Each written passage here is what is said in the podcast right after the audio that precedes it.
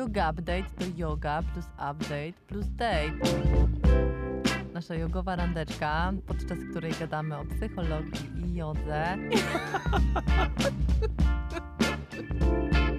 O filmach, o książkach, o różnych wydarzeniach, które nas w danym tygodniu jarają. Czyli Netflix. Yoga Update. Basia Tworek i Michał Trzciński. Dzień dobry kochani. E, Kolejny odcinek Yoga Update'u nagrywam niestety sam. Baśka cały czas jeszcze e, zajmuje się swoimi e, najważniejszymi na świecie rzeczami, a właściwie nie rzeczami, tylko jedną małą osóbką. Więc oczywiście ciepło pozdrawiamy i mamy nadzieję, że już niedługo Baśka do nas dołączy. Zresztą ostatnio zdradziła trochę mm, tajemnicę, bo pojawi się tutaj jeszcze na koniec e, tego sezonu. No ale na razie muszę sobie dawać radę sam i mam nadzieję, że mi się to dzisiaj również uda, bo dzisiaj będziemy rozmawiali o bardzo ważnej rzeczy, czyli o kręgosłupie i to będzie ten już e, obiecany w e, bodajże pierwszym mm, albo drugim, drugim odcinku mm, tego sezonu Yoga Update'u e, wróci mm, do naszego programu gość w postaci Marcina Bebelskiego e, z Calvamedu, mm, który to opowie nam troszeczkę o kręgosłupie. Zahaczyliśmy w tym e, odcinku, w którym Marcin już był naszym gościem, właśnie o temat kręgosłupa. E, I postaram się dowiedzieć od Marcina, dowiedzieć dla Was, e, co zrobić, żeby o kręgosłup e, dbać tak na co dzień. Mm, Zwłaszcza, że chyba wszyscy, e, albo przynajmniej spora większość z nas doświadcza tego samego problemu, czyli e, różnych e, boli w kręgosłupie przez to, że po prostu wszyscy siedzimy. Po pierwsze, że wszyscy siedzimy, a dodatkowo jeszcze siedzimy przed kąpem, lekko pochyleni w jedną, w drugą stronę. Myślę, że zagadnień i wątków jest mnóstwo, więc e, czekam na Marcina, za chwilę się z nim będę łączył. A tymczasem pozdrawiam Was. Aha, no właśnie, bo to nie jest od razu, żeby, żeby nie było, to nie jest e, żadna tapeta w Zoomie, którą można sobie wymienić na dowolną. To jest to oryginalne, prawdziwe cypryski, w których e, mam szczęście się pławić tutaj w e, ogrodzie moich rodziców. Obok leży sobie słoneczko, dalej leży też Diego, ale e, oboje śpią, więc może nie będę im przeszkadzał. E, zapraszam na kolejny już odcinek Yoga Update'u. Marcin Bebelski za chwilę. Yoga, yoga, yoga, yoga, yoga, yoga, yoga, yoga, yoga, yoga, yoga, ninja yoga, gangsta yoga. Łączymy się z Warszawą, Warszawa, Warszawa, halo, halo, halo, lecimy. Marcin Bebelski, na pewno nie Babelski, tak jak kiedyś zawsze myślałem, przez naprawdę parę lat. Z Marcin Mhm. Bebelski, e, Calvamed, dzień dobry. Dzień dobry, dzień dobry, witam Was wszystkich. Dzień dobry, e, Michał. E, No, zaczynamy chyba. Pozdrawiam Cię z mojego e, niewirtualnego studia i moje cyprysiki też mówią siemano. Spotykamy się w tę piękną sobotę, żeby poświęcić trochę czasu kręgosłupowi Mhm. i różnym zagadnieniom, zagadnieniom z tym związanym. E, Obiecywaliśmy w e, odcinku, kiedy jeszcze z Baśką nagrywaliśmy mm, naszą poprzednią rozmowę, że temat kręgosłupa się pojawi, bo jest on niezwykle mm, ważny, ale też e, przede wszystkim chyba powszechny. Czy ty masz albo jesteś w stanie jakoś stwierdzić, no może wiadomo nie dokładnie, ale jakaś większa czy mniejsza część Twoich klientów przychodzi do Ciebie z kręgosłupem? Jak Ty to widzisz, wiesz, tak generalnie wśród swoich pacjentów? To jest problem, czy, czy jakoś to się poprawia? I jak to jest? E, Wiesz co, ja myślę, że no, zdecydowana większość e, ma e, problemy natury kręgosłupowej. Oczywiście czasem są to pacjenci, którzy przychodzą z innymi rzeczami, na przykład, nie wiem, z bólami barków, czy z bólami koron, czy z bólami bioder, ale generalnie e, myślę, że, że rzecz dotyczy głównie kręgosłupa, bo jakby m, jego położenie w ciele, e, postawa człowieka, no, wpływa na bardzo wiele rzeczy w naszym organizmie. I myślę, że ten kręgosłup no, jest taką centralną strukturą, od której naprawdę bardzo wiele zależy. Więc, więc zdecydowanie no, większość pacjentów to są pacjenci kręgosłupowi. Mhm. To jest też taki, e, nazwę to powiedzmy obszar ciała, czy, czy, czy narząd, e, mówiąc pewnie nie, niepoprawnie, ale jakoś obrazowo. E, z jednej strony taki chyba, na, w sensie naj, taki silny, i z drugiej strony też jakoś tak bardzo, bardzo narażony na wszelkie urazy, czy to mechaniczne, czy postawowe. Wiesz co, ja bym to podzielił na, na bardziej takie problemy natury przeciążeniowej, które występują jakby w codziennym życiu i który e, bardziej lub mniej każdy z nas gdzieś tam, e, e, no, z którym się czasem spotyka. No i oczywiście też drugi, drugi rodzaj takich uszkodzeń to są rzeczywiście uszkodzenia mechaniczne, czyli urazowe, czyli gdzieś rzeczywiście dochodzi do jakiegoś urazu, nie wiem, upadku, mhm. potłuczenia czy, czy tego typu rzeczy. Więc to są dwie, dwie, dwie tego typu, że tak powiem, y, rozróżnienie, ale też jeszcze, jeszcze ja bym trzeci tutaj dodał, no są to też pacjenci psychosomatyczni, którzy, no można ich podciągnąć pod, pod przeciążenia, ale to jest troszeczkę też inny rodzaj pacjentów. ja bym tutaj te, te trzy rzeczy jakby rozróżnił. A z tych trzech, który jest y, najtrudniejszy do leczenia, Twoim zdaniem? Myślę, że mimo wszystko urazowy, bo e, jeżeli dochodzi do jakiejś siły, która działa bezpośrednio na ciało, tak zupełnie z zewnątrz, to no, trzeba dużo więcej rzeczy zrobić, dużo więcej rzeczy ogarnąć i też dłuższy czas dać e, na, na to, żeby E, dłuższy czas rekonwalescencji, żeby rzeczywiście ten kręgosłup doszedł do siebie. Mhm. Przeciążenia czy takie problemy psychosomatyczne, no też one dosyć szybko się leczą, ale no też to wszystko zależy od, od pewnych zasobów, które pacjent ma energetycznych, od tego w jakim jest stanie w ogóle takim psychoemocjonalnym i, i to też nie zapominajmy o tym, że jesteśmy całością i to wszystko jakby ma na, na nas wpływ, więc jakby no to wszystko zależy od, od, od tego, w jakim jesteśmy miejscu i co się z nami rzeczywiście dzieje. No to wyobraźmy sobie, że przychodzi do ciebie pacjent i mówi, że go boli kręgosłup. I to w mhm. zasadzie tyle. Nie miał żadnego wielce wypadku, siedzi przy y, biurku w pracy, mm, ma trochę stresu, ale tak myśli, że to jest ok, w sensie albo tak ma, ma, takie wrażenie, że, że to jest taka powiedzmy średnia ilość stresu. Od czego zaczynasz? Co sprawdzasz najpierw? Pierwsze to, czym się zajmuję, to sprawdzam jakby ruchomość kręgosłupa. E, na początku sprawdzam ruchomość czynność, czyli każę pacjentowi zrobić skłon do przodu, skłon do boku, skręt i patrzę sobie na, na to, jak kręgosłup pracuje, e, jak on się zachowuje w, w poszczególnych jakby odcinkach e, i to jest, że tak powiem, podstawa, ale na, na samym, samym basicowym początku patrzę jakby, co się dzieje z miednicą. Czy ta miednica o. czy ta miednica jest rzeczywiście ułożona prawidłowo, bo każda wariancja e, ułożenia, ułożenia miednicy będzie wpływała w zasadzie na cały kręgosłup. Czyli można powiedzieć, że miednica jest w jakiś sposób częścią kręgosłupa? Jak dla mnie jest jest pewną podstawą, od której zaczyna się kręgosłup i też bardzo wiele tutaj się dzieje, bo miednica jest takim e, no, częścią ciała, która e, no, spaja górę z dołem, czyli to wszystko, co się dzieje na naszych kończynach dolnych, wpływa na miednicę, a to później może powodować różne rzeczy, które się dzieją powyżej miednicy, czyli w samym kręgosłupie. I i też jeszcze jedna rzecz, kręgosłup też jest całością. Cokolwiek się dzieje mhm. na poziomie miednicy, jeżeli gdzieś jest jakaś asymetria, jeżeli jest zablokowane gdzieś połączenie kręgosłupa z miednicą, no to będzie miało to impact na to, co się dzieje wyżej.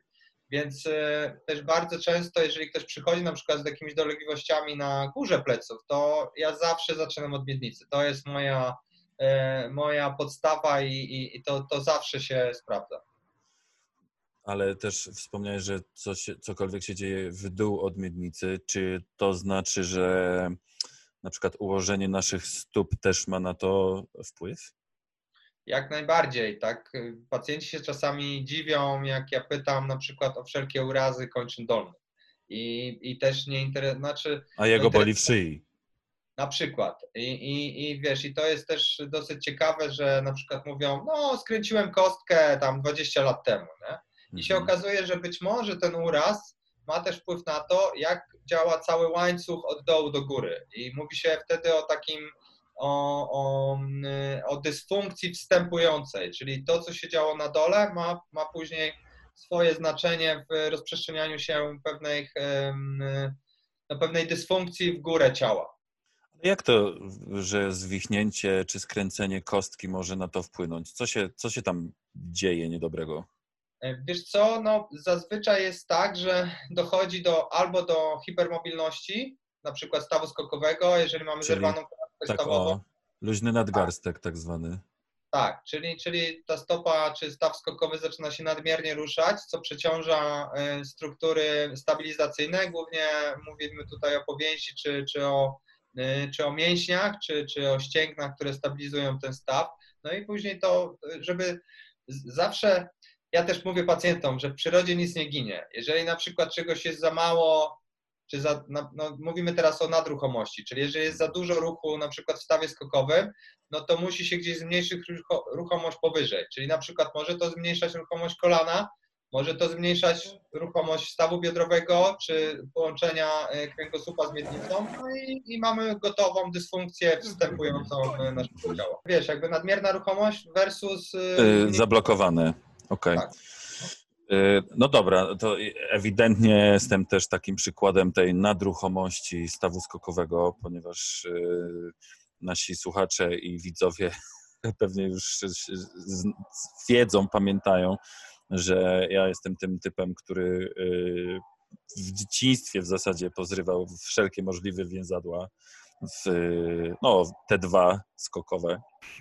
E, ale skoro ta nadmierna rucho, ruchomość, to jeszcze omówmy może tę e, pod, nie, jak- Zmniejszoną ruchomość. zmniejszoną po prostu. Chciałem wymyślić słowo typu podruchomość, bo skoro nadruch... Ewentu- ewidentnie nie może być w ogóle wymyślaczem słów. Jasne. Słuchaj, no, mówimy jakby właśnie z jednej strony o nadruchomości, a z drugiej o ograniczonym, e, ograniczonej ruchomości, czyli po prostu o zablokowaniu. Mhm. E, I też sprawa może dotyczyć jakby samego stawu skokowego, gdzie rzeczywiście zmniejsza się ruchomość zgięcia grzbietowego i podeszwowego stopy, no co może mieć impact na, na wyższe e, stawy w naszej kończynie dolnej, a w konsekwencji na, na miednicę, ale też może dojść do czegoś takiego, że zablokuje się też coś w obrębie stopy, czyli, czyli w obrębie, nie wiem, czy stępu, czy, czy w obrębie stępu, a na przykład śródstopia. E, I to też będzie miało wpływ na to, jak ta stopa pracuje, jak, jak działa w ogóle cały staw skokowy, no i, i będzie się to przenosiło w górę.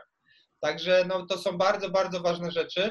E, I, no i też oprócz jakby skręcenia, też, też wszelkie urazy, złamania, czy, czy no, tego typu już poważniejsze e, uszkodzenia, no będą miały tutaj no, też kolosalne znaczenie. E, Nie tylko jakby pod kątem samego na przykład unieruchomienia nogi po złamaniu, ale też później, nie wiem, w pewnym psychicznym na przykład zablokowaniu się w głowie, że, że nie wiem, ciężko na przykład obciążać tą nogę, nie? I też przenosimy wtedy ciężar na drugą nogę, no i to w konsekwencji powoduje też znowuż pewien dysbalans mięśniowy, czy, czy złe obciążanie kończyn dolnych i, i to później się przenosi znowu w górę, w górę, w górę.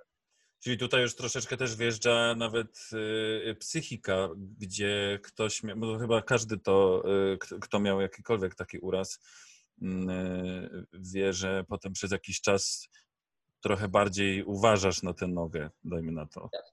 Jasne, jasne, to jest jakby oczywiste i zdecydowanie to ma to kolosalny wpływ i też bardzo często to się dzieje bez udziału świadomości, więc no my, my że tak powiem, te zdolności adaptacyjne naszego organizmu są ogromne e, i rzeczywiście, jeżeli, e, jeżeli taka sytuacja się e, zadzieje, to, e, to robimy to po prostu bezwiednie. My nie zdajemy sobie sprawy, a bardzo często te, te nawyki przechodzą później no, w takim e, codzienne życie i po prostu tak funkcjonujemy w zasadzie do, do, do tej pory, aż, aż pewne rzeczy zostaną, nie wiem, czy czy, czy uświadomione i wtedy możemy gdzieś pracować z tym nad, nad zmianą tej postawy, nad zmianą pewnych nawyków a, i, i, i, no i dalej poprawiać jakby swój stan zdrowia. Czyli myśląc o jakimś kolejnym, mm, no nie zachowaniu, tylko ko, kolejnym takim motywie, ro, rozłożenie ciężaru ciała na stopach też by miało na to wpływ.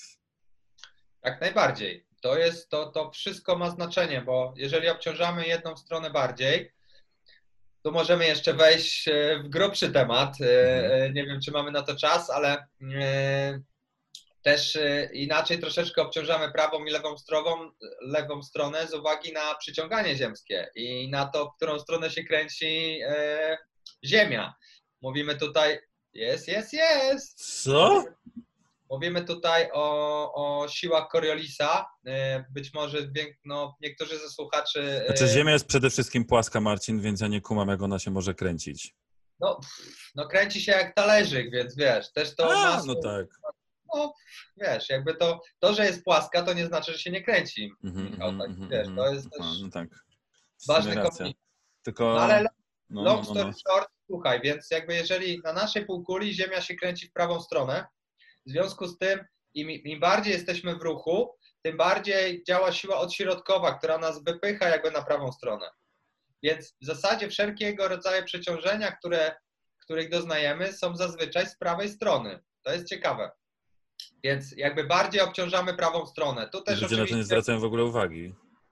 No, to jest, wiesz co, to rzeczywiście jest tak, że, że nie mamy świadomości tego, ale, ale tak rzeczywiście jest, że, że większość rzeczy jakby mamy z tej, z tej prawej strony i też to widzę w swoim gabinecie, że większość pacjentów przychodzi z, z objawami z prawej strony. No jest to gdzieś 70-80% e, dolegliwości. Oczywiście też przychodzą z, z, z, objawami po lewej stronie, ale to są już e, to są kompensacyjne rzeczy, albo na przykład natury visceralnej, czy, czyli też z układu pokarmowego. Także to są hmm. zupełnie jakby inne rzeczy. No, A kompensacyjne to znaczy właśnie to, że e, jedną nogę bardziej chronisz, więc drugą bardziej przeciążasz nawet nieświadomie.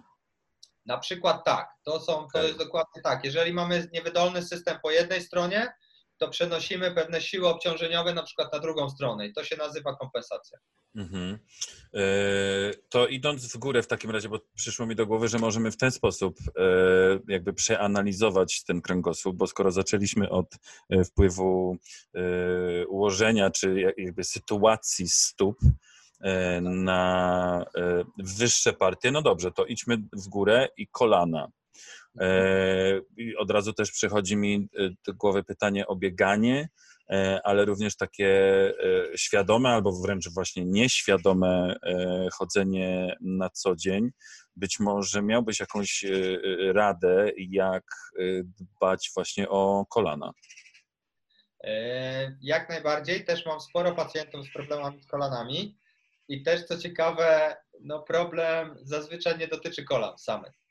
To jest też jakby pewne objawy występują w obrębie stawów kolanowych, no ale problem znowuż mamy albo poniżej, albo powyżej. Myślę, że w większości przypadków y, y, problem polega na złym ułożeniu miednicy, czyli jakby najczęściej to polega na tym, że miednicę mamy w przodopochyleniu, czyli nasze spojenie łonowe pochyla się do przodu, i, a nasze pośladki jakby idą troszeczkę do góry. Czyli, czyli wypinamy pupę. Dokładnie tak. I w związku z tym siły, siły, e, siły e, e, obciążeniowe naszego organizmu przesuwają się do przodu, to skutkuje tym, że siły ścinające bardzo mocno przechodzą przez stawy kolanowe. I to powoduje przeciążenie i to powoduje ból. Czy to znaczy w takim razie, że biegacze w czasie, przynajmniej w czasie biegu, powinni zwracać szczególną uwagę na ułożenie swojej miednicy? Wiesz co, już w samym, jakby podczas samego biegu myślę, że to będzie bardzo, bardzo ciężkie, bo skupiamy się na tym, żeby przetrwać, żeby, wiesz, pokonać dystans, który mamy do pokonania. I to jest też bardzo częste, że y, wiele tych objawów bólowych nie pojawia się na początku, tylko pojawia się po jakimś czasie. Jak już rzeczywiście organizm jest zmęczony, jak zaczynamy no, wykorzystywać różne mechanizmy adaptacyjne do tego, żeby y, ten bieg kontynuować. I mięśnie zaczynają się męczyć, przestają być wydolne tak jak na początku biegu i te objawy zaczynają się nasilać. Więc y, jakby y, no, reasumując to, co powiedziałem, myślę, że przygotowanie przed bieganiem jest dużo bardziej ważne niż, y, niż sama, nie wiem, technika biegu w, jakby w trakcie biegania. A co masz na myśli poprzez przygotowanie przed bieganiem? No, to, co, to, co powiedziałem przed chwilą, ułożenie miednicy, czyli, czyli stabilizacja centralna, która, no, mówię o tym bardzo, bardzo dużo, ale to jest naprawdę bardzo ważna rzecz, bo jeżeli mamy silny, e, silną stabilizację centralną, silny nasz brzuch, silny poprzeczny brzucha i rzeczywiście jesteśmy w stanie gdzieś dobrze usa, usadowić naszą miednicę, no to od tego się wszystko zaczyna. Jeżeli tu jest Czyli tu już wchodzą w, w grę mocno mięśnie. Dokładnie tak. No, okay. Mówimy tutaj o stabilizacja centralna jest aktywnym stanem y, czy aktywnym, y, aktywnymi możliwościami organizmu do utrzymania miednicy w określonym, na określonym poziomie.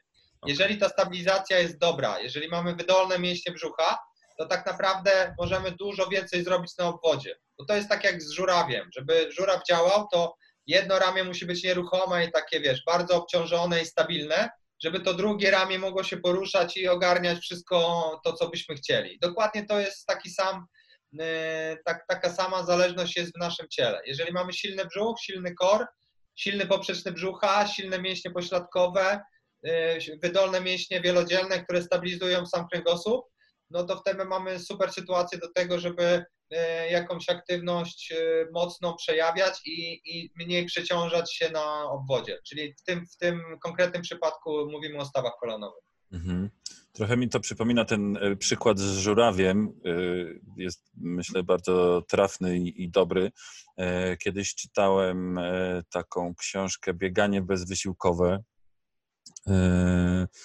Wiem, że niektórym to, do niektórych to jakoś trafiło i naprawdę zwiększyli swoje czy zasięgi, czy jakby wydolność swoją e, przy bieganiu, ale tam było to bardzo też fajnie wytłumaczone.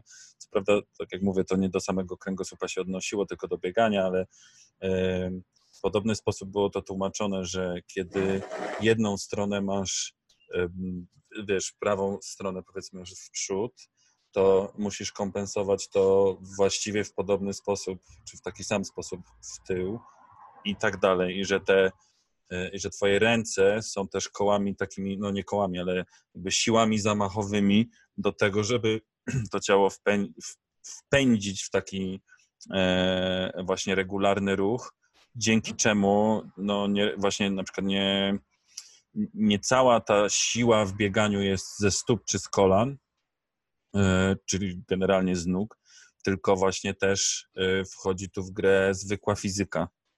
Tak jest, dokładnie tak, bo to jest, no rzeczywiście jest tak, że jeżeli jedna, jedna część ciała naszego idzie do przodu, no to druga też musi ustabilizować, żeby, żeby nie opadło to w drugą stronę, więc to jest tak. cały czas, cały czas taka, taki dysbalans między stabilnością a mobilnością i no też to, to, to wszystko jakby dotyczy właśnie pewnej wydolności naszego ciała, E, i, i też możliwościami, możliwościami pewnymi ruchowymi w naszym ciele. Nie? I teraz mhm. jeszcze jedna rzecz. Oczywiście mówimy tutaj o aktywnej stabilizacji, ale też możemy to spróbować zrobić biernie. Jeżeli na przykład no, te kłopoty z kolanami występują i mimo wzmacniania gdzieś tam brzucha niekoniecznie ta popra to poprawia się nam e, nasza postawa ciała, no to też możemy użyć na przykład wkładek czy, e, czy podpiętek pod, pod na przykład piętę, żeby trochę zmienić Piątek to jest, moje, to jest moje słowo 2019 roku. Ponieważ mój, ortop, mój ortopeda zalecił mi bezwzględnie, e, żeby podpiętek nosić e, w związku z moimi problemami ze stopami właśnie. E, I no, szczerze mówiąc, zmieniło to moje życie, oprócz tego, że wkładki, ale to już jest inna historia. Natomiast ten podpiętek, czyli ten no co, ile to było? Pół centymetra, centymetr? Centymetr już za dużo, to było przecież takie, to takie płaskie jest. No. E, kiedy włożyłem pod e, jedną e, z pięt, już teraz nie pamiętam, chyba pod prawą, e, właśnie ten nacisk e, ciężaru ciała na moje stopy i generalne ułożenie ciała. kręgosłupa i ciała e, zmieniło się diametralnie i to też troszeczkę mi taką przypomina analogię, może niezbyt celną, ale, ale jednak tak jak e, Olga Tokarczuk pisała w biegunach, że jeśli by o jeden stopień jakby zmienić, mm, czy zwiększyć, czy zmniejszyć, nieważne, e, ułożenie Ziemi, oś, oś Ziemi, no to byłaby nie, nie zamieszkana nie, nie bylibyśmy zdolni do zamieszkania e, na tej ziemi, bo byłoby albo za gorąco, albo za zimno, w zależności od tego, e, gdzie byśmy byli. Więc tutaj też nawet taki mik, taka mikrozmiana w jednym miejscu może spowodować diametralną zmianę w, w kręgosłupie. Dokładnie. No to, to jest to, o czym mówiliśmy na samym początku. Jakby to wszystko, co się dzieje na dole, ma wpływ na to, co, co jest na górze. No i koniec, kropka. Nie ma czegoś takiego, że, że działamy czy myślimy bardzo tak partiami ciała. To, to się nie sprawdza i to już od, nie wiem, od, od, już skończmy raz na zawsze z tym, że rzeczywiście e, tam, gdzie występuje ból, czy tam, gdzie występują jakieś symptomy, no tam rzeczywiście jest problem. To zazwyczaj to jest zupełnie gdzie indziej, zazwyczaj, e, zazwyczaj to jest wierzchołek pewnej góry lodowej. Mhm. To pewnie ale... częste są też bóle głowy, ale do, do głowy jeszcze dojdziemy.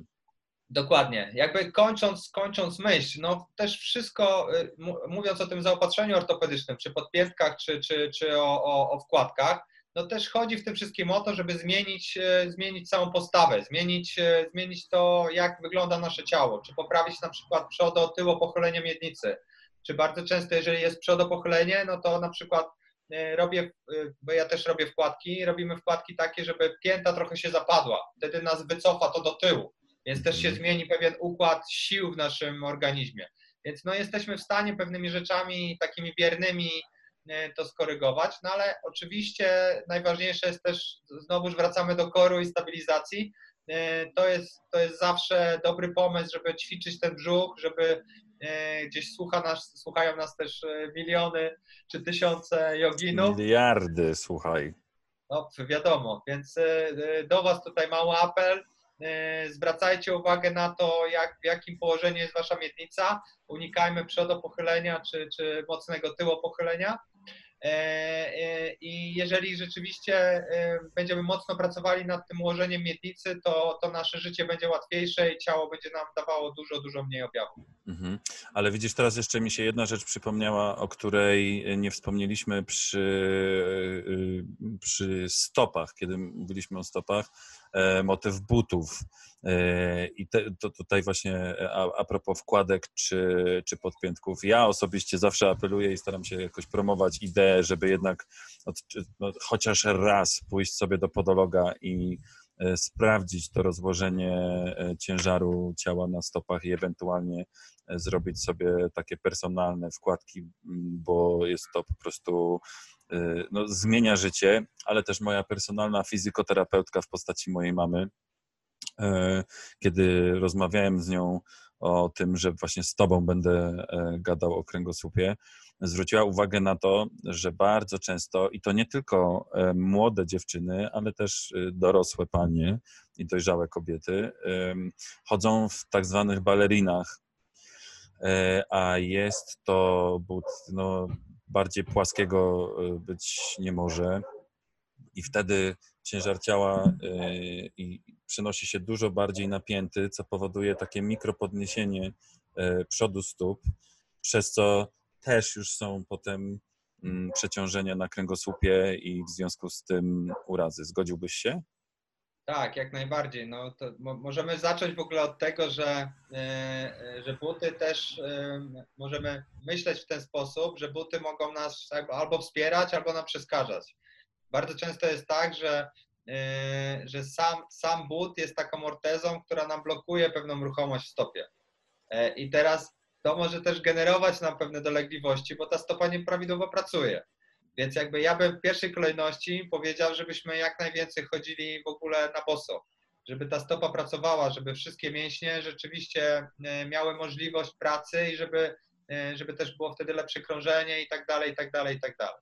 Ale rzeczywiście jest tak, że jak chodzimy albo w balerinach, albo jeszcze, jeszcze gorzej na przykład... W Japonkach. To no, też oczywiście, ale bardziej myślę tutaj o wysokich obcasach, E, to, pomyślcie sobie o tym, jak się zmieniają, jeżeli już wiemy to, że, że to, co się dzieje na dole ma wpływ na górę, no to ten, ten wysoki obcas, czy ten bardzo niski obcas, jak to zmienia ułożenie naszego ciała, postawę naszego ciała, jaki to może mieć wpływ na nasze, e, no w zasadzie całe ciało. To jest rzeczywiście coś, z czego nie zdajemy sobie sprawy, a to jest no, rzeczywiście element, który, no, który powoduje różne dziwne rzeczy w naszym organizmie i może powodować pewne dysfunkcje. Czyli jak szpilki, to takie centymetrowe. Wiesz co, nie no oczywiście fajnie wygląda kobieca noga w szpilce i to jest, to jest fakt. Męska też potrafi dobrze wyglądać. Oczywiście, męska w szpilce myślę, że wygląda równie atrakcyjnie. Znam takiego, co uczy chodzenia na. No właśnie, e, ale do czego zmierzam, że jakby no wszystko w swoim, e, w swoim wymiarze i wszystko z pewnym jakimś, z pewnym umiarem. Oczywiście tam, tą szpilę też czasami trzeba włożyć i żeby dobrze wyglądać, czy, czy mężczyźni, czy kobiety, no ale też żeby nie przesadzać, żeby to nie było, że tak powiem, codzienne e, chodzenie w szpilach, bo, no bo przeciążamy nasz system, czy więzadłowy, czy, czy, czy, czy system mięśniowo-powięziowy, no i to może generować nasze dolegliwości bólowe. Okej, okay, to idźmy ciut wyżej. Um, czy spotykasz się często z takim powiedzeniem, że o Jezu, ale mnie w krzyżu łupie? Oczywiście, to jest, to jest bardzo częsta sprawa.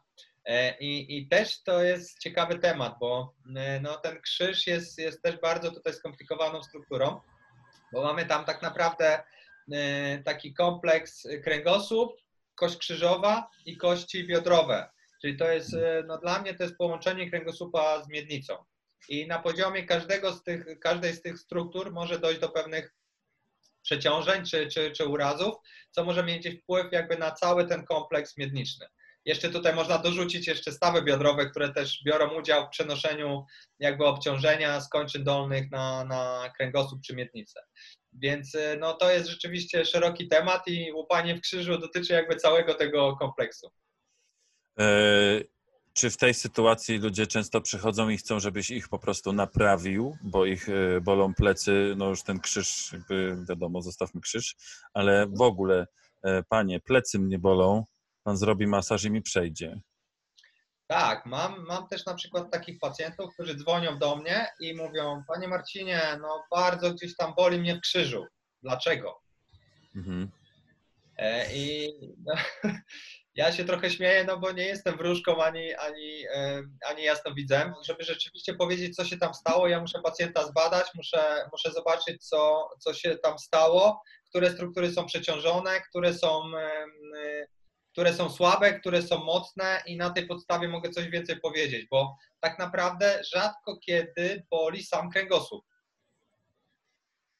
E, bo tak naprawdę większość rzeczy, które boli, to, to jest albo aparat więzadłowy, który moim zdaniem jest jednym z najczęstszych powodów e, dolegliwości bólowych.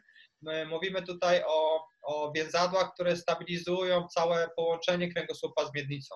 Czyli mówimy tutaj o, o więzadłach, e, które startują z poziomu miednicy i idą w kierunku kręgosłupa, ale też startują z, z, z, z z, nie wiem, czy od kości krzyżowej i idą do kości biodrowej, no jakby suma summarum one okalają połączenie, okalają w zasadzie całą miednicę i to jest, to jest bardzo częsty powód czy, czy generator pewnych objawów bólowych. Ja też bardzo często pracując, na przykład używam igieł e, do akupunktury i nakuwam struktury anatomiczne, głównie są to więzadła, które rzeczywiście w, te, w ten sposób jakby odreagowuje, czy, czy zmniejszam ich powodliwość, co się wiąże też ze, ze, ze po prostu z mniejszym generowaniem bólu przez te struktury. Czyli można to sobie tak wyobrazić, jakbyś spuszczał z tego ciśnienie po prostu? Dokładnie tak, no tak, tak, tak można powiedzieć. I to jest jedna rzecz, która, która rzeczywiście na bardzo często generuje objawy bólowe, a drugą rzeczą są mięśnie, które, które powodują stabiliz stabilizację, bo jeżeli tak naprawdę stabilizacja centralna polega na aktywnym utrzymaniu mięśniami położenia kręgosłupa. I teraz, jeżeli na przykład dużo siedzimy, szczególnie w takiej pozycji e, zaokrąglonej, e, to rozciągamy sobie też te elementy bierne, czyli na przykład więzadła. I też wtedy muszą mięśnie wykonać jeszcze większą pracę, żeby, to, żeby ten kompleks ustabilizować. No co powoduje przeciążenia. I takimi najczęściej, najczęstszymi miejscami, które, które później mogą powodować objawy bólowe, to jest y, mięsień czworoboczny lędźwi. On się przyczepia z boku kręgosłupa. Z jednej strony u góry przyczepia się do żeber, z dołu przyczepia się do talerza biodrowego, a z boku do kręgosłupa. No i to, ten mięsień jest jakby z jednej i z drugiej strony kręgosłupa, więc zapewnia pewną stabilność tego układu. A drugim takim obszarem, który, który może powodować objawy, to są mięśnie miednicy. Czyli mówię tutaj głównie o mięśniach pośladkowych, pośladkowy, średni i mały. No i też sławetny mięsień gruszkowaty, który moim zdaniem, tak, który moim zdaniem jest trochę przereklamowanym mięśniem i no, w moim przekonaniu nie daje on aż tyle objawów, jak się sądzi.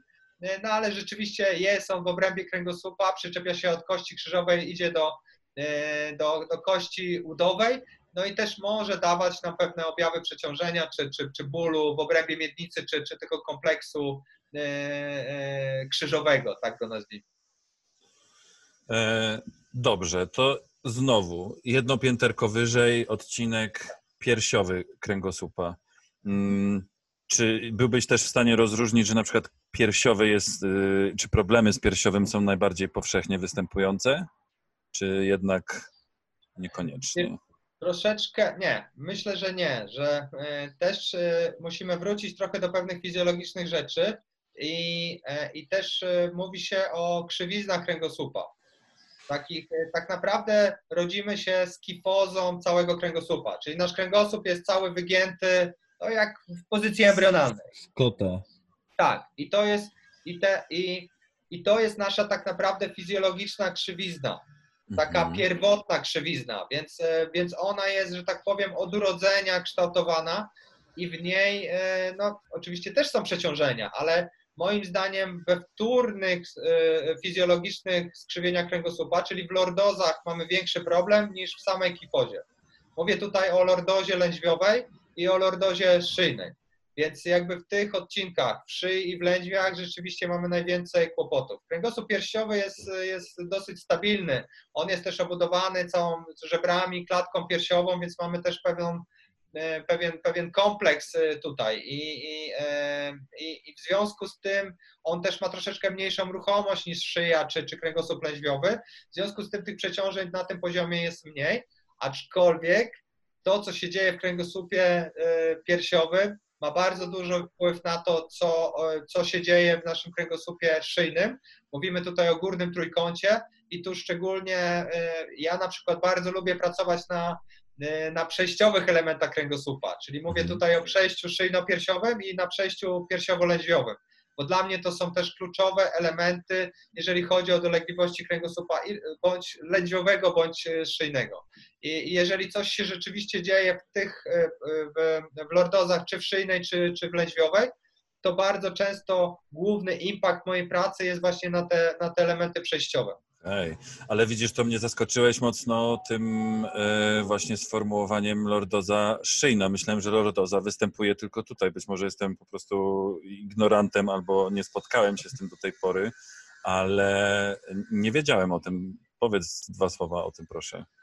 Wiesz co, no rzeczywiście głównie kojarzymy lordozę z odcinkiem e, lędźwiowym, bo no, to tak. jest to wygięcie jakby do w stronę, tak zwane wygięcie brzuszne kręgosłupa E, ale też to samo e, powinniśmy mieć lordozę w kręgosłupie szyjnym. Niestety z uwagi na, na przeciążenia, e, no, siedzący tryb życia, na, na tak zwane przeciążenia smartfonowej głowy, pochylamy coraz tak. bardziej głowę do przodu i, tej, i, ta, i to coraz częściej obserwuję taką zależność, że rzeczywiście ta lordoza znika z kręgosłupa szyjnego. Ten kręgosłup w odcinku szyjnym robi się albo prosty, albo wręcz kifotyczny, więc odwracamy pewne krzywizny naturalne, no i to już może prowadzić do, do przeciążeń i do generowania objawów bólowych, zarówno jakby w samym kręgosłupie szyjnym, jak i powyżej, jak i poniżej. Czyli, czyli też wszelkie bóle głowy, bóle ramion, bóle samej szyi, no to, to, to jest wszystko jakby związane z, z tymi przeciążeniami właśnie i odwróceniem jakby krzywizn kręgosłupa. Tak, bo często się mówi, że boli mnie głowa, nie? A potem się okazuje, że to w zasadzie nie głowa, tylko jakoś promieniuje, a to wszystko dzieje się w odcinku szyjnym bardziej. A, a byłem zaskoczony, w sensie a pytałem cię o to, y, czy, czy odcinek piersiowy jest powiedzmy najbardziej narażony, czy też najczę, najczęściej jakiś e, właśnie no, no narażony na, na urazy czy bóle, właśnie idąc tropem siedzenia przy biurku, ale e, jeżeli to jest dużo bardziej w szyi, to też trzeba na to zwrócić uwagę. Dokładnie tak. No to ułożenie głowy znowuż ma kolosalne znaczenie e, dla naszego całego ciała. I też zobaczcie, zrobimy sobie krok w tył, jeżeli też mamy kłopot z miednicą, jeżeli na przykład jest przodot czy tyłopokolenie miednicy, to też no, kręgosłup, który, który jest e, położony na naszej miednicy, może iść albo bardziej do przodu, albo bardziej do tyłu. No co w konsekwencji będzie powodowało to, jak jest ustawiona nasza głowa. Więc y, tak naprawdę no, wszystko w naszym ciele jest zależne od siebie i też w taki sposób trzeba patrzeć na ciało, bo nie, nie da się skorygować jakby ustawienia głowy, czy skorygować ustawienia kręgosłupa szyjnego, nie zajmując się całym ciałem. Bo ta praca, praca lokalna nad zmniejszeniem napięcia no, da może efekt na 5 minut, czy na dzień, czy na dwa, ale z powrotem te objawy będą wracały. Bo to tak trochę jak y, ktoś przychodzi czy do fizjoterapeuty, czy do osteo i no może nie, nie chcę użyć słowa żąda, ale chciałby, żebyś y, go ją naprawił e, tak o, a tymczasem ona, on wróci do swoich codziennych zajęć i dalej będzie siedział tak, to chyba niedużo jesteś w stanie zrobić wtedy, prawda? No tak, ja, ja też bardzo często mówię pacjentom, czy, czy też tłumaczę im, że to, co my, fizjoterapeuci, osteopaci robimy, to tak naprawdę stwarzamy sytuację, żeby ten kręgosłup mógł prawidłowo funkcjonować i żeby, e, żeby był wolny od pewnych e, e, ograniczeń czy, czy, czy zablokowań. I to jest nasza praca i tak naprawdę no, to powoduje, że, że nie wiem, nasz układ nerwowy lepiej funkcjonuje, że, że ten kręgosłup jest wolny od pewnych napięć, bo jeżeli jest zablokowanie jakieś w kręgosłupie, to będzie to miało impact też na mięśnie, które na przykład stabilizują kręgosłup, czy, czy też na przykład jeżeli z danego dany segment jest zablokowany, to nerwy, które odchodzą z danego segmentu idą też do poszczególnych mięśni. No i te, mhm. będzie to miało wpływ na, też na te mięśnie, które, które będą na przykład w nadmiernym przeciążeniu czy w nadmiernym napięciu. I teraz, jeżeli odblokowujemy kręgosłup, to ten spazm mięśniowy od razu w zasadzie y, się uwalnia. Więc też bardzo często, jak przy, przy, przy manipulacji kręgosłupa dochodzi do takiego, o wow, nie? Nagle tak czujesz, że po prostu jesteś rozluźniony, że coś puściło, nie?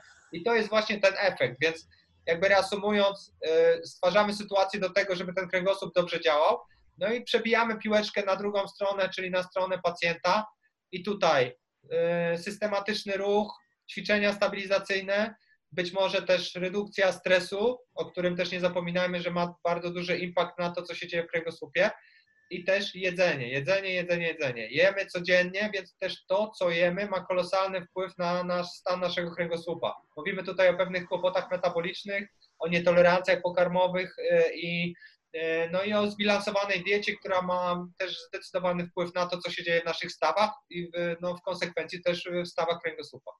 Czyli najważniejsze, żeby pić dużo mleka. Michał, chyba ci kurwę głowę zaraz. Wiem, wiem, to takie chciałem specjalnie tak zapodać. Czyli to tak. nie jest prawda, że pij mleko, będziesz zdrowszy. Nie, nie, nie. No jeżeli, jeżeli pijecie mleko, to musicie zagryzać bułką pszenną to wtedy najlepiej to działa. Rozwiń temat. Nie, no śmieję się oczywiście, bo tak naprawdę naj, najczęstszym, najczęstszymi produktami spożywczymi, które prowadzą do pewnych nietolerancji pokarmowych czy pewnych, no, czy pewnych konsekwencji do pewnych rzeczy, które się dzieją w organizmie, no to, to jest właśnie nabiał, głównie ta grupa produktów e, od krowich, czyli nie tylko mleko, ale też mhm. e, no, na przykład, nie wiem, sery, szczególnie białe, jakieś e, jogurty, śmietana, masło i też bardzo często teraz no, w okresie letnim bardzo popularne lody. W zasadzie mm, one są... Marcin, weź. Sorry, tak, tak po prostu mówię, jak jest. E, no i też oczywiście śmieją się ludzie z, z pszenicy, że no nie mam cyriaki, więc, więc no co, co z tą pszenicą. No ale jest to też rzeczywiście e, taki produkt, który no dosyć sporo powoduje nietolerancji też z różnych powodów, tu można się rozwijać, że, że kiedyś ta pszenica była inna, była tam, nie wiem, mniej modyfikowana genetycznie, mniej zanieczyszczona i tak dalej, i tak dalej, więc bardziej sobie radziliśmy z trawieniem tej pszenicy. No ale rzeczywiście e, nawet zobaczcie, e, jak weźmiecie sobie, nie wiem, taką bułkę pszenną, nie wiem, obierzcie z tej skorupki chrupkiej i pogniećcie po prostu ten środek, nie? To się zrobi trochę takie, takie jak guma, więc no Taki to wszystko... trochę.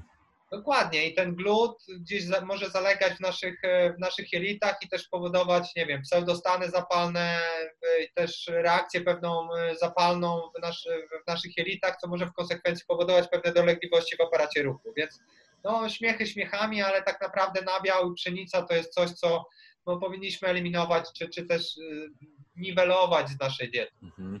A tak dwa albo trzy razy dziennie ciutkę mleka do kawy, to spoko czy nie spoko, proszę pana?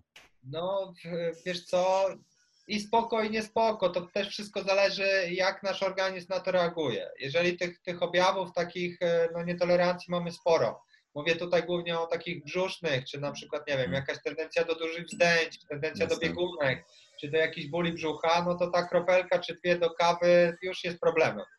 Okay. E, ale ja też nie jestem ortodoksem i też czasami grzeszę, też czasami zjem pizzę, bo po prostu lubię. I myślę, że, że ten, kto nie je pizzy, to nie ufam takim ludziom. E, Prawda. E, więc, więc wiesz, więc no ale żeby nie było tego na co dzień, nie? Bo, mhm. bo też to jest ciekawe, że Pacjenci też mówią, że na przykład ja nie mam żadnych dolegliwości, jeżeli chodzi o na przykład nabiał, bo jem go codziennie i nic mi się nie dzieje. Ale to też jest jakby taki, taka pułapka, bo nie może być tak, że organizm będzie reagował nadmiarowo na każdy, za każdym razem, jak pijemy mleko. Jeżeli Oczywiście. robimy to codziennie, no to też musi, musi organizm wygaszać trochę tą reaktywność. W związku z tym my nawet sobie nie zdajemy sprawy, co się dzieje w naszym organizmie. No w zasadzie nic się nie dzieje, bo nic nie czujemy, a na przykład, nie wiem, zaczynają czujemy jakąś sztywność w naszym ciele, czujemy gdzieś dolegliwości bólowe. Tu nas boli jakiś, nie wiem, bark, a tu kolano, a tu coś tam. Więc to już jest, to są jakieś takie rzeczy, które mogą być natury metabolicznej. Y, no i też warto jakby z tym, z tym zrobić porządek. Ach, kurde, będę musiał zmienić na mleko roślinne. A ja po prostu kawę z mlekiem roślinnym próbowałem pić tak regularnie, ale Przekonują mnie znajomi, żebym może po prostu zaczął, polubił e, pić czarną kawę, ale to też jakoś do mnie nie przemawia. Polecam bardzo. Ja jestem też kawoszem i, e, i uwielbiam dobrą kawę i też piję ją zazwyczaj czarną, czarną jak, jak moja dusza, jak to moja żona mówi. Uuu, e, I, o tym w następnym odcinku. No, ale też jeszcze a propos, a propos tego jedzenia, to muszę powiedzieć jeszcze o jednej rzeczy. E, cukier. Nasz, nasz Chciałem właśnie już nie, jakby już nie chciałem dodawać, że przecież pół łyżeczki cukru do tej kawy. No wiesz co, y, może, może na przykład miodu. Jest miodu, le... o, miodem też.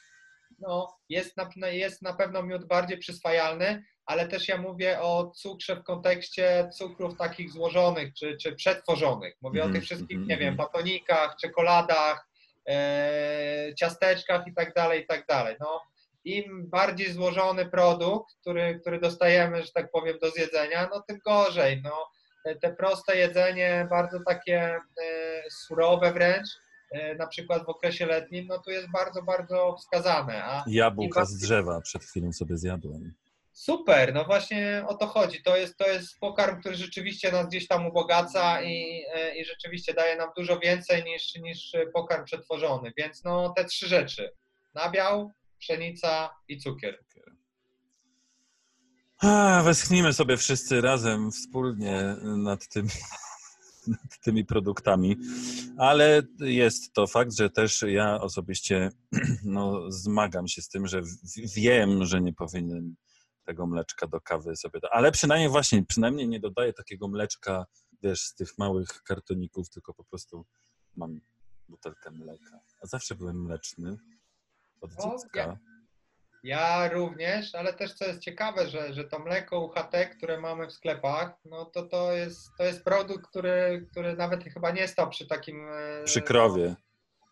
Dokładnie. I też on jest, on jest też pasteryzowany, jest poddawany wysokim, obróbce w wysokiej temperaturze, więc tych takich właściwości dobrych no, ma, ma też e, mało, więc no, przeceniamy trochę, e, że tak powiem, e, jego właściwości, nie wiem, zdrowotne, czy, czy, czy wręcz takie no, promujące pewien zdrowy tryb życia, co, co jest zupełną nieprawdą. No nie mamy i też co ciekawe, bo jeszcze, jeszcze jedną rzecz tutaj powiem a propos produktów bez laktozy.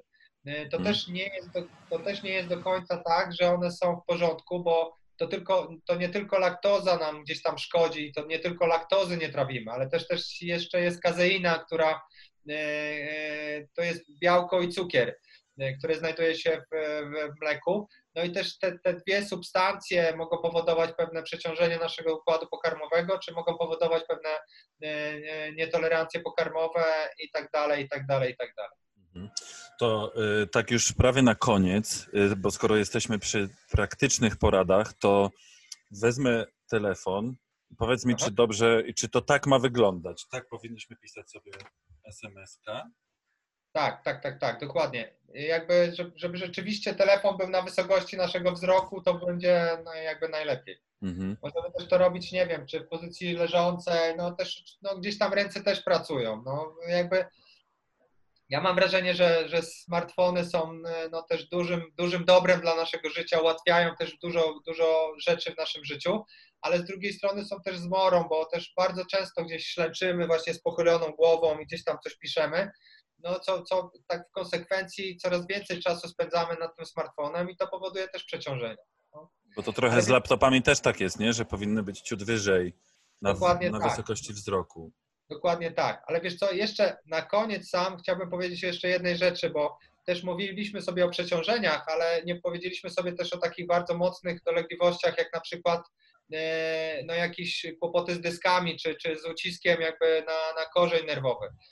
To są też dolegliwości, które też zdarzają się w moim gabinecie, ale zawsze też powtarzam pacjentów, że jeżeli jest pewien problem bardziej, bardziej złożony, czy bardziej e, mocny, no to też mamy szereg innych objawów, bo ból jest no zazwyczaj przy przeciążeniu czy przy po, po jakichś tam e, poważniejszych kłopotach rzeczywiście on występuje, ale jeżeli mamy jakieś dodatkowe objawy neurologiczne, czyli na przykład, nie wiem, drętwienie ręki, czy, ta, czy, ta, czy, czy, czy kończyny dolnej, czy na przykład bardzo duże osłabienie mięśni, na przykład jednej strony, albo, albo rzeczywiście mamy kłopot z jakąś koordynacją ruchową, albo mamy wrażenie, że gdzieś, nie wiem, y, no ta noga czy, czy ręka jest taka niestabilna, no to wtedy już y, ten problem może być bardziej złożony i tam może dojść do pewnych przeciążeń e, dyskowych czy ucisku na korzeń nerwowy, no i wtedy ta sytuacja staje się rzeczywiście poważna.